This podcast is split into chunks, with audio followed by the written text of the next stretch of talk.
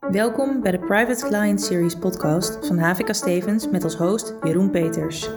Jeroen Peters is sinds 2019 als taxpartner aan HVK Stevens verbonden. Hij en zijn team adviseren vermogende particulieren, hun ondernemingen en de achterliggende families. In deze podcastreeks gaat Jeroen in op onderwerpen als opvolgingsperikelen, privacy, beleggingen, vastgoed en goede doelen. Voordat hij een onderwerp uitdiept, wordt eerst de actualiteit belicht. In deze eerste aflevering gaan we in op privacy, specifiek met betrekking tot het in een persoonlijke houdstervennootschap van een directeur groot aandeelhouder aanwezige vermogen.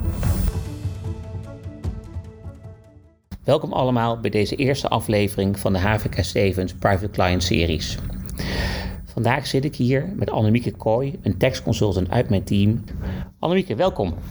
Ja, dankjewel voor deze introductie. Ehm, waar eh, gaan we het allemaal over hebben vandaag, Jeroen? Nou, waar ik het vandaag over wilde hebben is over uh, box 3, hè, de spaartax, hè, waar de kranten de laatste tijd vol van staan. En over privacystructuren, waar nog steeds uh, klanten veel vragen over hebben. En waar ze veel, veelal contact met ons over opnemen. Actuele onderwerpen dus. En wat wordt dan precies verstaan onder het werkelijk rendement? Goeie vraag. Uh, in, in, de, in het arrest wat, uh, wat, wat de Hoge dus op 24 december gewezen heeft, hè, daar hadden, waarover de procedure ging, die hadden een box 3 vermogen van zo'n 1 miljoen euro, iets minder. En op die 1 miljoen euro hadden ze plus minus een 6000 euro aan rente gekregen. Dus daar heeft de Hoge Raad gezegd dat uh, de belasting verschuldigd was over die 6000 euro rente. Wat ongeveer neerkwam op, uh, op zo'n 1800 euro. terwijl de, de belastingheffing, de aanslag, die was voor 12.000 euro. Is echt een enorme, enorm verschil. Wat onder het werkelijk rendement wordt zijn. In die situatie de rente. Hè, maar wat een andere situatie onder werkelijk, moet worden, werkelijk rendement moet worden verstaan, dat is nog onduidelijk. Hè. Hoe zit het bijvoorbeeld met uh, iemand die een beleggingsportefeuille heeft? Uh, nou, dividenden die iemand ontvangt, dat zal werkelijk rendement zijn. Uh, als iemand obligaties heeft, de rente op die obligaties, dat zal werkelijk rendement zijn. Maar een ongerealiseerde waardestijging, omdat, hè, omdat de beurskoersen omhoog zijn gegaan, is dat werkelijk rendement of niet? Ja, dat, dat weten we allemaal nog niet. Hè. Dus een enorm belangrijke vraag. En hoe nu verder met box 3? Ja, goede vraag. Um, ik denk dat dat de gemoederen heel veel bezighoudt. Um, we hebben nu recent natuurlijk een nieuwe regering gekregen. Rutte 4 heeft eh, in het coalitieakkoord aangegeven dat we vanaf 2025 een uh, stelsel moeten krijgen waarbij het werkelijke rendement in de heffing wordt betrokken. Alleen ja, met die Hoge Raad-uitspraak is het zo dat uh, eigenlijk vanaf nu al het werkelijke rendement uh, in de heffing moet worden betrokken. Dus de regering kan eigenlijk niet doorgaan met dat stelsel zoals het nu is. Um, nou, ja, daar is de regering zich ook wel van bewust, of althans, hè, daar lijken ze zich van bewust te zijn. Uh, de staatssecretaris, de nieuwe staatssecretaris van Financiën, hè, van Rij, heeft al aangegeven dat er voorlopig geen aanslagen inkomstenbelasting worden opgelegd, maar daarin box 3 vermogen dus die, al die aanslagen die worden uitgesteld totdat er meer duidelijkheid is. En um, volgende week, volgende week donderdag, is er een uh, spoeddebat in de Tweede Kamer uh, hierover. En dan, dan wordt hopelijk meer duidelijk. Dan wordt hopelijk ook, uh, ook duidelijk wat, ja, hoe verder. En is er ook iets wat we bijvoorbeeld op dit moment actief kunnen doen?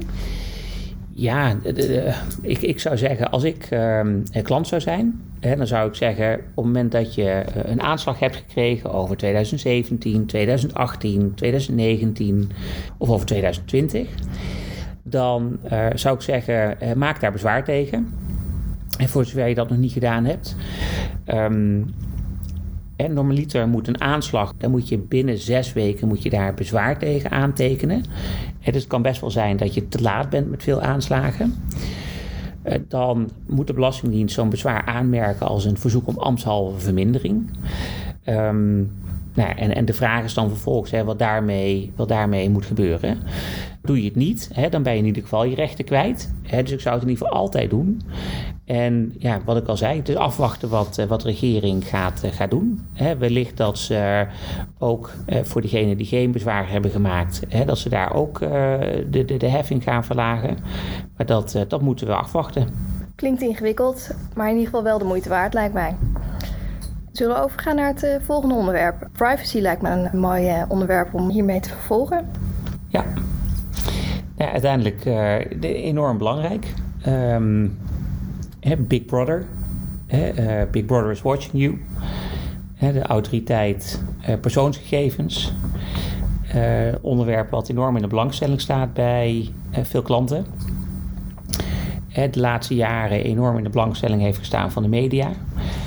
Wat wel aardig is, uiteindelijk mooie alliteratie. Maar we hebben de laatste jaren, hebben we hè, 2014 de LuxLeaks, Panama Papers in 2016, hè, de Paradise Papers 2017, de Pandora Papers in 2021. Hè, de luisteraars weten ongetwijfeld nog dat uh, minister Hoekstra dat hij in de problemen is gekomen.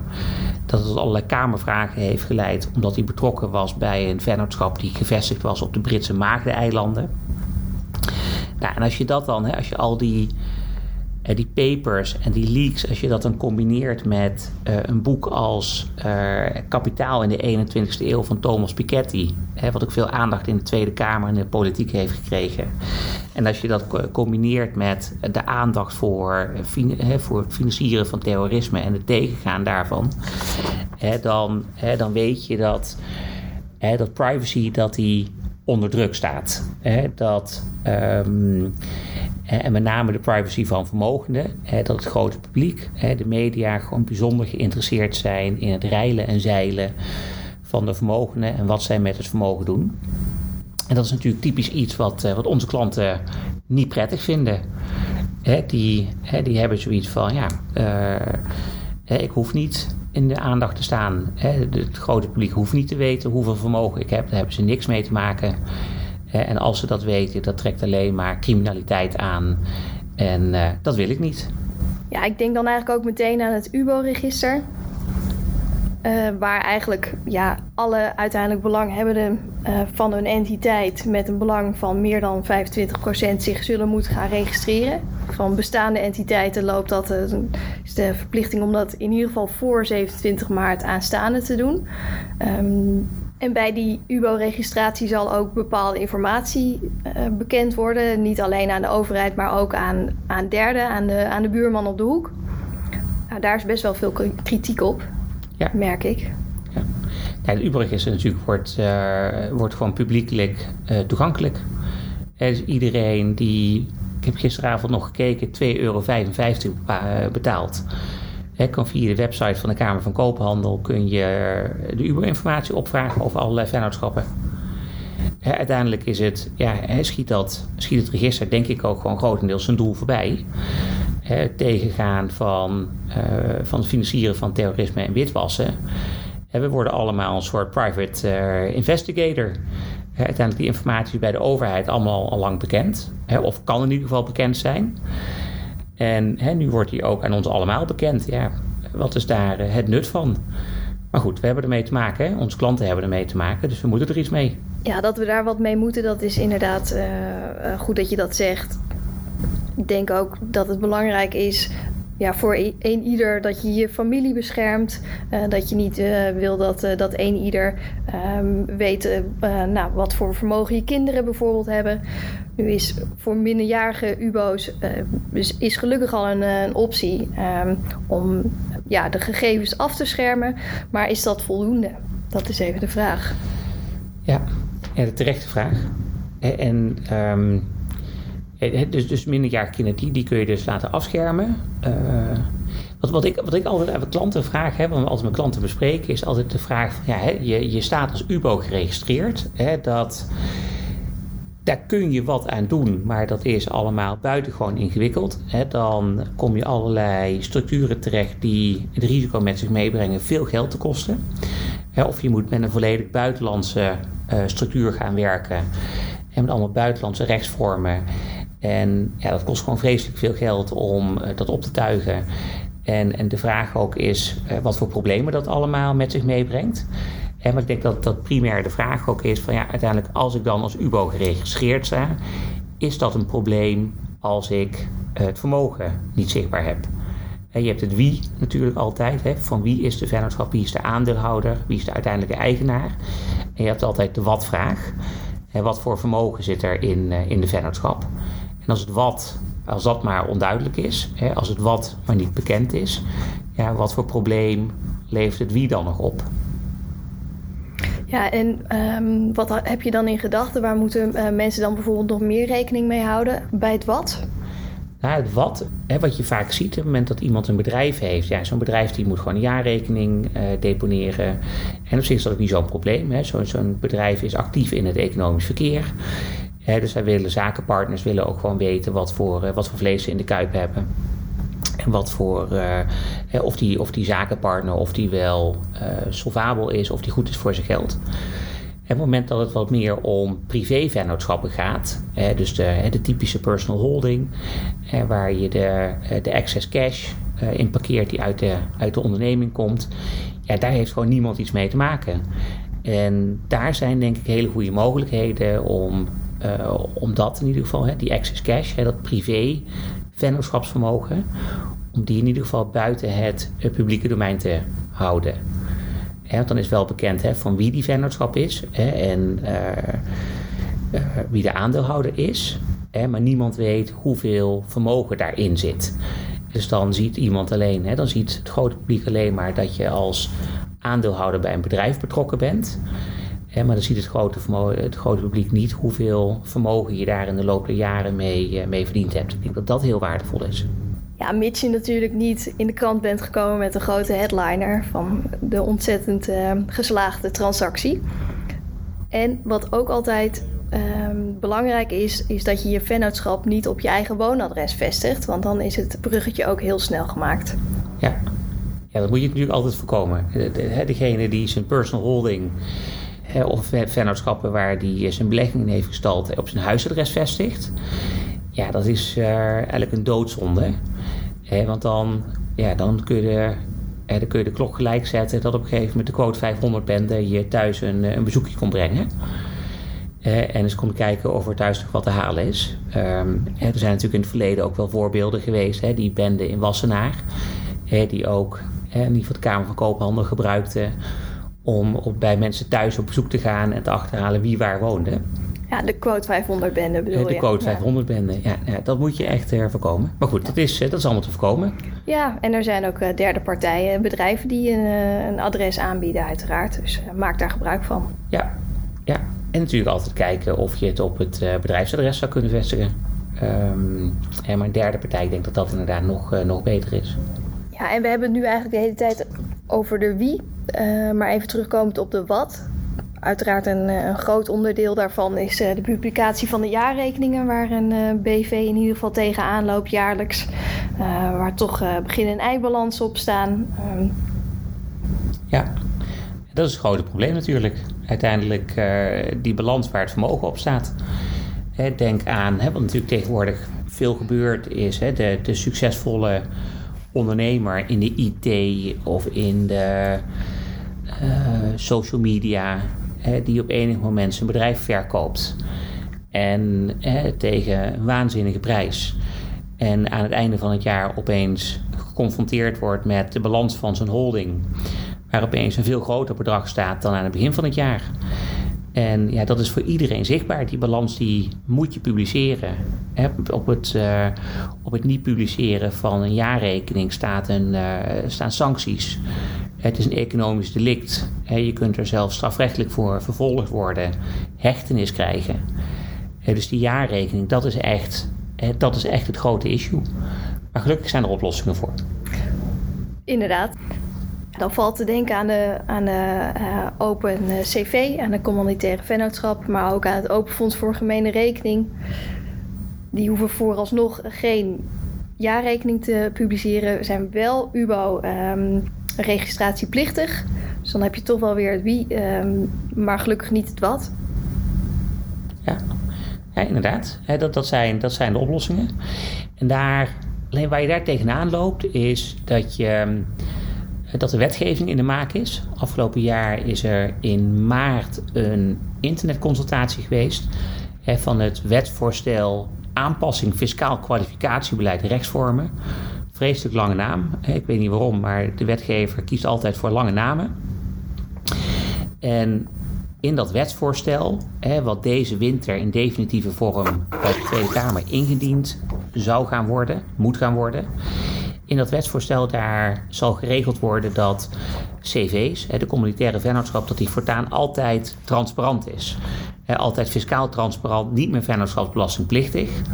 En datzelfde geldt waarschijnlijk met enige vertraging voor het Fonds voor Gemene Rekening. dus die, die entiteiten die kunnen we nu nog gebruiken maar dat soort structuren die lopen echt op hun laatste benen. het is echt één minuut voor twaalf voor dat soort structuren. En alle bestaande structuren die zullen binnen waarschijnlijk dit jaar nog toch geherstructureerd moeten worden om ze werkbaar te houden, om ze te laten blijven werken. En voor nieuwe structuren denk ik toch dat je naar alternatieven uh, moet gaan kijken. Dus niet meer met die open vennootschapsbelastingplichtige CV of die open vennootschapsbelastingplichtige fonds? Ja, zoals een, uh, een Curaçaose coöperatie. Een uh, coöperatie opgericht naar het, naar het recht van, van Curaçao. Dus wel volledig in Nederland fiscaal gevestigd. Mits dan de bestuurder en de, de feitelijke leiding in, in Nederland zit. Um, maar ja, geen um, deponeringsplicht en ook geen UBO-registratieplicht in Nederland. Ja. Um, wel in Curaçao, maar daar hebben ze toch net even een iets vriendelijkere vorm van het UBO-register, waar alleen uh, de overheid uh, kan kijken in het, uh, in het register. Het register kan raadplegen. En dat daarmee, is denk ik mooi. ja. En, en, daarmee, hè, met dat register op Curaçao, wordt natuurlijk ook gewoon het doel van het register gediend. Hè, namelijk dat, hè, dat de overheid weet wie de UBO is en je hoeft niet, iedereen hoeft niet als een, uh, zoals we al zeiden, private investigator uh, na te kunnen gaan wie de UBO is. En die Curaçaose koop, ja, ik denk dat dat een hele mooie oplossing is. Um, en wel natuurlijk wat, wat haken en ogen bij dat soort structuren waar je altijd naar moet kijken. Het, het is niet zo eenvoudig. En er is veel wetgeving waar rekening mee gehouden moet worden. Veel wetgeving waar ook niet iedereen altijd het oog op heeft. Je moet rekening houden met het handelsregisterwet, uh, het handelsregisterbesluit niet te vergeten, het burgerlijk wetboek. En niet in de laatste plaats de wet op de formeel buitenlandse vennootschap. Ook zo'n ja, wet die stamt uit de tweede helft van de vorige eeuw, maar nog steeds actueel is voor dit soort uh, structuren. dus je kunt niet zomaar elke buitenlandse structuur gebruiken. die coöperatie die je noemde, dat is dan echt een van de weinige oplossingen, hè, misschien wel eh, de beste, die je daarvoor kunt uh, gebruiken. Uh, maar er worden ook wel alternatieven gebruikt. En ja, ik denk ook wel met die Curaçaose coöperatie, hè, dat, noem je, maar zo eenvoudig is het denk ik ook niet. Hè, met, want hoe ga je dan om met, met banken? Geven banken daar, kun je daar een bankrekeningen voor openen eigenlijk? Nou, we hadden het net al eventjes over, um, over, de, over de verplichtingen en uh, over de compliance verplichtingen. Um, ja, dat, dat merken we wel, dat dat echt een uh, um, ja, steeds hogere drempel wordt uh, die genomen moet worden. En dat daar in eerste instantie toch een, een vorm van resistentie is. Maar ja, naarmate je de eh, structuur uitlegt en uh, laat zien dat, dat de Curaçaose coöperatie eigenlijk in hetzelfde regime zit als een, als een Nederlandse BV, um, ja, zijn er uiteindelijk toch niet heel veel. Um, ja, belemmeringen. Ja, belemmeringen inderdaad. Ja. ja. en het voordeel is natuurlijk ook wel hè, dat hij alleen maar wordt opgericht voor een notaris daar. Hè. En het is niet een, hij is daar niet gevestigd. Hè. Het is de, de UBO of iemand anders eh, die hier in Nederland het, eh, het bestuur vormt. Um, de, de, de vennootschap kan in Nederland gevestigd zijn, heeft hier zijn kantooradres. Het is ook ja, in alles functioneert hij eigenlijk hetzelfde als een Nederlandse BV. Uh, alleen ja, in plaats van dat een Nederlandse notaris de akte passeert, is het een, een notaris op Curaçao die de akte passeert. Ja, en uiteindelijk ook gewoon uh, in Nederland uh, vennootschapsbelastingplichtig. Uh, niet anders dan, dan een BV. Ja. ja, en daar zit natuurlijk ook wel het grote voordeel van die Curaçaose coöperatie ten opzichte van een, bijvoorbeeld hè, de Open CV. die we net bespraken en de open communitaire vennootschap, de open, het open fonds voor gemene rekening. Want die kunnen weer geen onderdeel zijn van de fiscale eenheid. En een coöperatie kan dat wel, hè? Ja, eh, deelnemingsvrijstelling kan ook van toepassing zijn. Um, onbelast terugbetalen van kapitaal ook niet onbelangrijk. Ja. Um, ja, die fiscale faciliteiten zijn er allemaal. ook andere fiscale faciliteiten, nu ik het zo zeg. aandelenruil kan, dus je kunt er leuk mee, mee herstructureren. Ja. Hey, maar toch, hè, ik merk toch dat er bij heel veel klanten toch een bepaalde weerstand is tegen uh, tegen het werken met een entiteit die naar vreemdrecht is aangegaan. Hè. Uiteindelijk, uh, als er een discussie is met een zakenpartner, hè, naar welke rechter moet ik dan gaan? Hoe, hoe, kijk, je, hoe, hoe kijk je daar dan tegenaan in, in, in combinatie met zo'n Curaçaose coöperatie? Ja, uiteindelijk is, is de Hoge Raad uh, van Curaçao, dat is de Nederlandse Hoge Raad. Dus uiteindelijk kom je toch weer in Nederland uit. Ik denk dat dat nog wel uh, te mitigeren is. Uh, maar er zijn uiteraard ook wel meer Nederlandse structuren, uh, zoals de, de, besloten CV. We hadden het net over de open CV, maar de besloten CV kan ook. En we hadden het net over dat wetsvoorstel, aanpassing fiscaal kwalificatiebeleid. Krijgen we dan geen probleem als we een structuur hebben met een besloten CV? Ja, dat wetsvoorstel heeft eigenlijk tot gevolg dat open cv's uh, straks door het leven gaan als besloten cv's. Maar besloten cv's ja, blijven gewoon besloten cv's. Dat heeft in principe geen, uh, geen directe rechtsgevolgen. Ja, dat is echt top. En wat natuurlijk ook speelt, is dat hè, er is geen wetsvoorstel aanhangig. Hè, en ook in de wandelgangen nog geen enkel geluid hebben we gehoord. Dat cv's dadelijk hun jaarstukken moeten gaan publiceren. Dus, die, dus die cv is denk ik dan ook best wel een mooie oplossing om voor, uh, voor heel veel klanten toch die, die afscherming van het vermogen te realiseren. Ja, en relatief eenvoudig te implementeren. Het is een, uh, ja, een samenwerkingsovereenkomst eigenlijk. Uh, um, hoeft ook uh, niet notarieel gepasseerd te worden. Ja. Hey, en dat, maar er zijn natuurlijk wel wat aandachtspunten. Hè? Uiteindelijk, daar moeten we denk ik wel rekening mee houden. Klanten moeten daar goed rekening mee houden als een adviseur ook, ook raadplegen. En want met overdrachtsbelasting en dergelijke, daar als, je, als je tussen te hard van stapel loopt, als je niet goed nadenkt, dan, dan kunnen er wel fouten optreden, denk ik. Hè? Nou ja, met overdrachtsbelasting is het altijd eventjes belangrijk om te kijken in welke entiteit je um, vastgoed aankoopt. Uh, de CV open of besloten is. Ja. ja die overdrachtsbelasting is altijd zo ingewikkeld. Hè? Al die faciliteiten die wel niet van toepassing zijn. Maar goed, hè, in ieder geval wel fijn om te weten dat er uh, ook, ook gewoon alternatieve Nederlandse structuren zijn voor de, voor de Curaçaose coöperatie.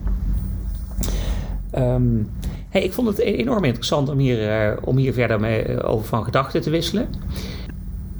Ja, ontzettend leuk om dit te doen. Um, staan er ook al onderwerpen gepland voor de volgende keer? Dan zal ik er waarschijnlijk niet bij zijn. Maar... Het onderwerp voor de volgende keer is uh, crypto's en fiscaliteit. En we zitten natuurlijk, het, het aangifteseizoen uh, komt, weer, komt weer aan. We moeten allemaal weer aangifte inkomstenbelasting over 2021 doen.